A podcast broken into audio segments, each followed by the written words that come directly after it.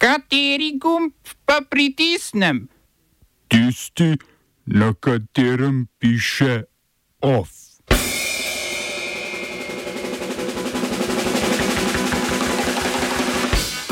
Izraelska vojska uradno začela kopensko invazijo v Gazi. Stavkajoči v ameriški avtomobilski industriji dosegli drug dogovor o zvišanju plač. Mejnemu nadzoru na vzhodu, jugu in zahodu ni videti konca.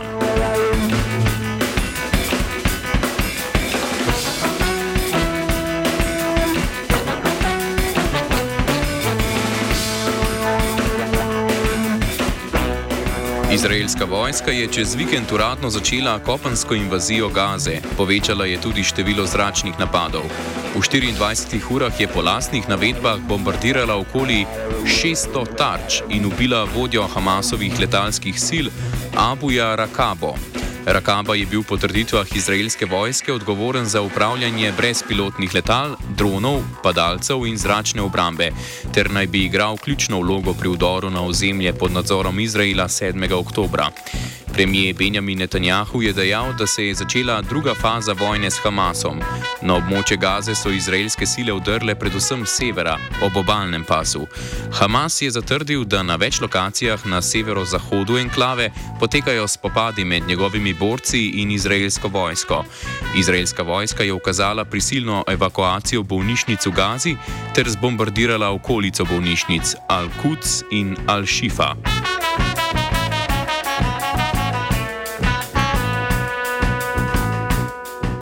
Taktika izraelske vojske temelji na zračni premoči z namenom zmanjšanja ubitih izraelskih vojakov, ki na območje Gaze vdirajo po kopnem. Nekdani namestnik poveljnika izraelske divizije v Gazi, Amir Avivi, je taktiko opisal, citiramo, Ko se naši vojaki premikajo, to počnemo z masivno artilerijo, s 50 letali na njihovimi glavami, ki uničijo karkoli se premakne.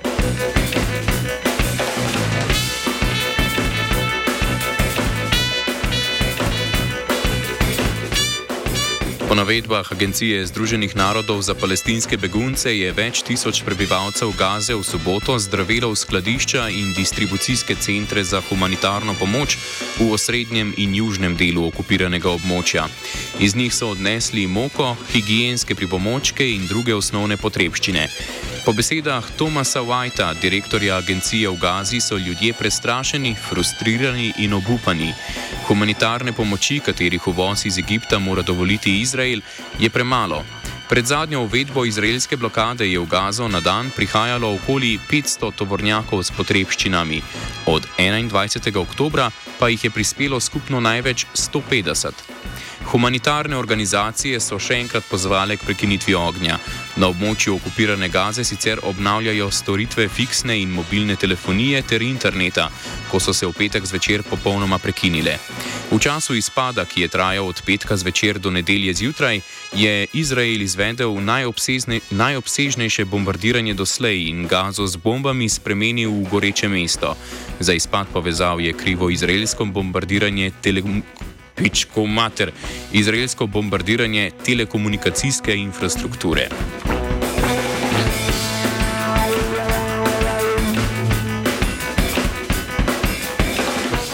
Izraelska vojska je sporočila, da je izvedla tudi letalske napade na vojaško infrastrukturo v Siriji in Libanonu. Kot razlog za napad so navedli zaskrbljenost, da se bo konflikt zaradi spopadov s Hamasom razširil tudi v druge države v regiji. Od začetka spopadov je bilo na libanonski strani meje z Izraelom ubitih najmanj 62 ljudi.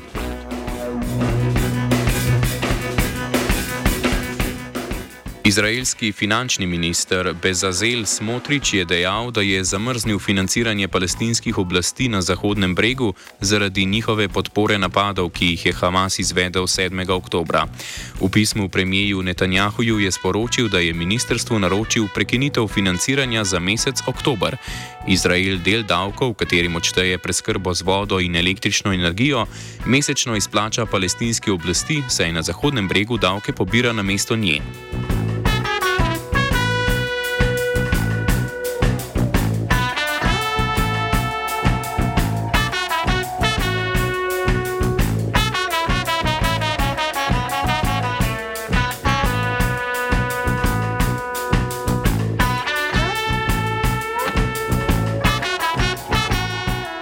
Gremo v Združene države, kjer je tamkajšnji sindikat delavcev avtomobilske industrije dosegel začasni dogovor s podjetjem Stellantis, prehodno imenovanim Fiat Chrysler.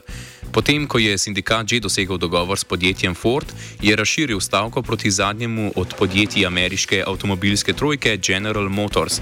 Okvirni dogovor vključuje 25-odstotno povišanje osnovnih plač do leta 2028. Zaradi usklajevanja z inflacijo bo najvišja plača za 33 odstotkov zvišana na več kot 40 evrov na uro. Dogovor vključuje tudi ponovno odprtje montažne tovarne v Illinoisu, ki je bila februarja zaprta, brez dela pa je zato ostalo 1200 delavcev. Zvišanje plač v dogovoru je nižje od predlaganega 40-odstotnega, a je više od 9-odstotnega, ki so ga prvotno predlagali delodajalci.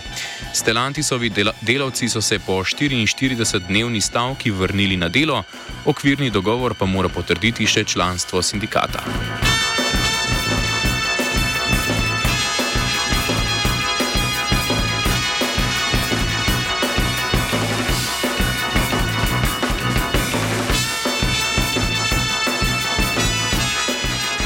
Na kolumbijskih lokalnih volitvah so se v večjih mestih slovili opozicijski kandidati in s tem prizadejali poraz levičarski koaliciji predsednika države Gustava Petra.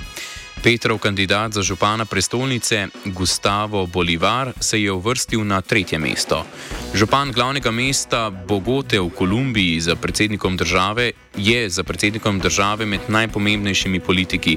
Tudi v drugih dveh največjih mestih, Madelinu in Kaliju, so za župana izglasovali kandidata, ki sta kritika Petra.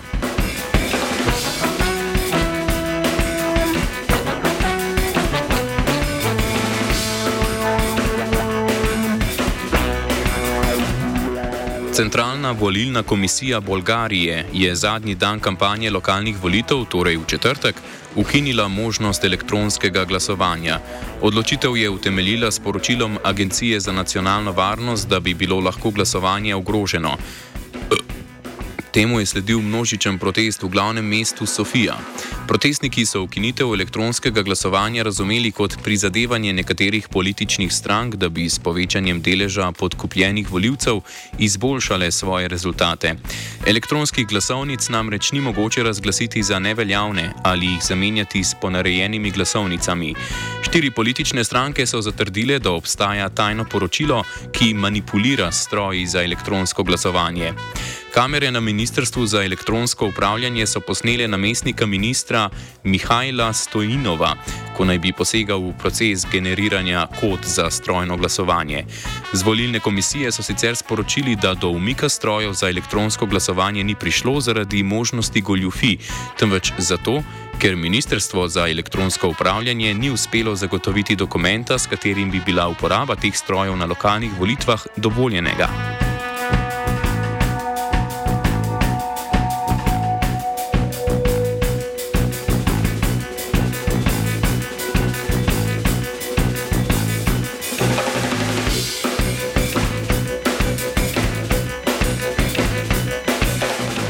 Ni bila dovoljena, se razume. Nogometni menedžer Artur Niki Vuksan je priznal, da je nekdanjemu izvršnemu podpredsedniku pri Zagrebskem nogometnem klubu Dinama Zdravku Mamiču pomagal pri pridobivanju denarja od prestopov igralcev. Vuksan se je sicer pogodil s Hrvaškim uradom za preprečevanje korupcije USKOKom, kar pomeni, da mu ne bo treba prestati enoletne zaporne kazni v primeru, da v naslednjih petih letih ne stori novega kaznivega dejanja. Kazniva dejanja, ki jih obravnava obtožnica, naj bi se zgodila med letoma 2004 in 2015, ko je Mamič opravljal funkcijo izvršnega podpredsednika in člana uprave Dinama. Vuksan je priznal, da se je z Mamičem in drugimi pogajal ter sklepal pogodbe, na podlagi katerih so nekateri igralci neupravičeno dobili 50 odstotkov vrednosti transferjev, ki naj bi sicer pripadli Dinamu. Ta denar pa so si na to razdelili generalni direktor Dinama Damir Vrbanovič ter Sandro Stipančič in Igor Krota, lastnika tujih podjetij, preko katerih se je črpal denar iz nogometnega kluba. Mamiča so pred petimi leti že spoznali za krivega davčne vtaje, od tedaj pa se je pred hrvaškimi organi pregona skrival v Bosni in Hercegovini.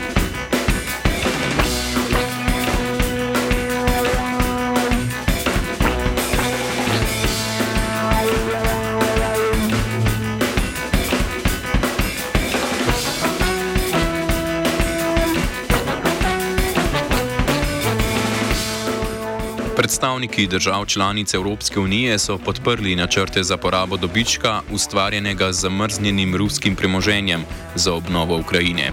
Od okoli 288 milijard evrov ruskih deviznih rezerv, ki so jih države zamrznile v sklopu sankcij proti Rusiji, se večina, torej okoli 188 milijard evrov, nahaja v Evropski uniji. Ko ruski vrednostni papirji zapadejo in jih finančni posredniki ponovno vložijo, ustvarijo dobiček. Voditelji držav članic Unije so Evropsko komisijo pozvali k pripravi pravnega predloga za namenitev tega dobička Ukrajini. Temu nasprotuje Evropska centralna banka, ki trdi, da bi to lahko razburkalo finančne trge in oslabilo položaj evra kot rezervne valute.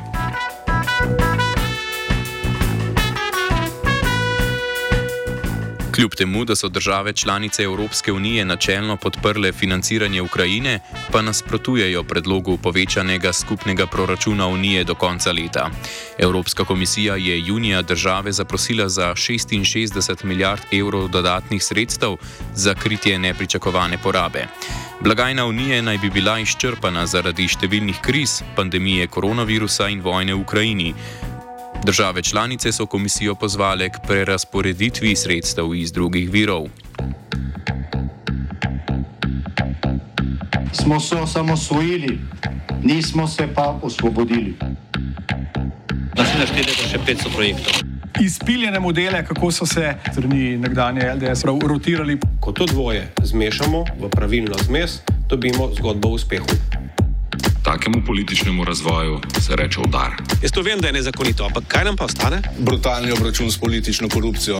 To je Slovenija, tukaj je naša zemlja, to je Slovenija, Slovenija, Slovenija. Vlada je sprejela podaljšanje nadzora na mejah s Hrvaško in Mačarsko, ki ju je prvotno uvedla za deset dni. Mejne kontrole bodo uvedene vsaj do 19. novembra z možnostjo ponovnega podaljšanja. Vlada je uvajanje in podaljšanje nadzora na notranjih mejah šengenskega območja utemeljila s povečano stopnjo teroristične ogroženosti v Evropi. Na uvedbo nadzora se je kritično odzval hrvaški premijer Andrej Plenković, ki je dejal, da razume zaskrbljenost slovenske vlade, a po njegovem mnenju to ni način za preprečevanje terorističnih napadov in porast ekstremizma. OF je pripravila Tija.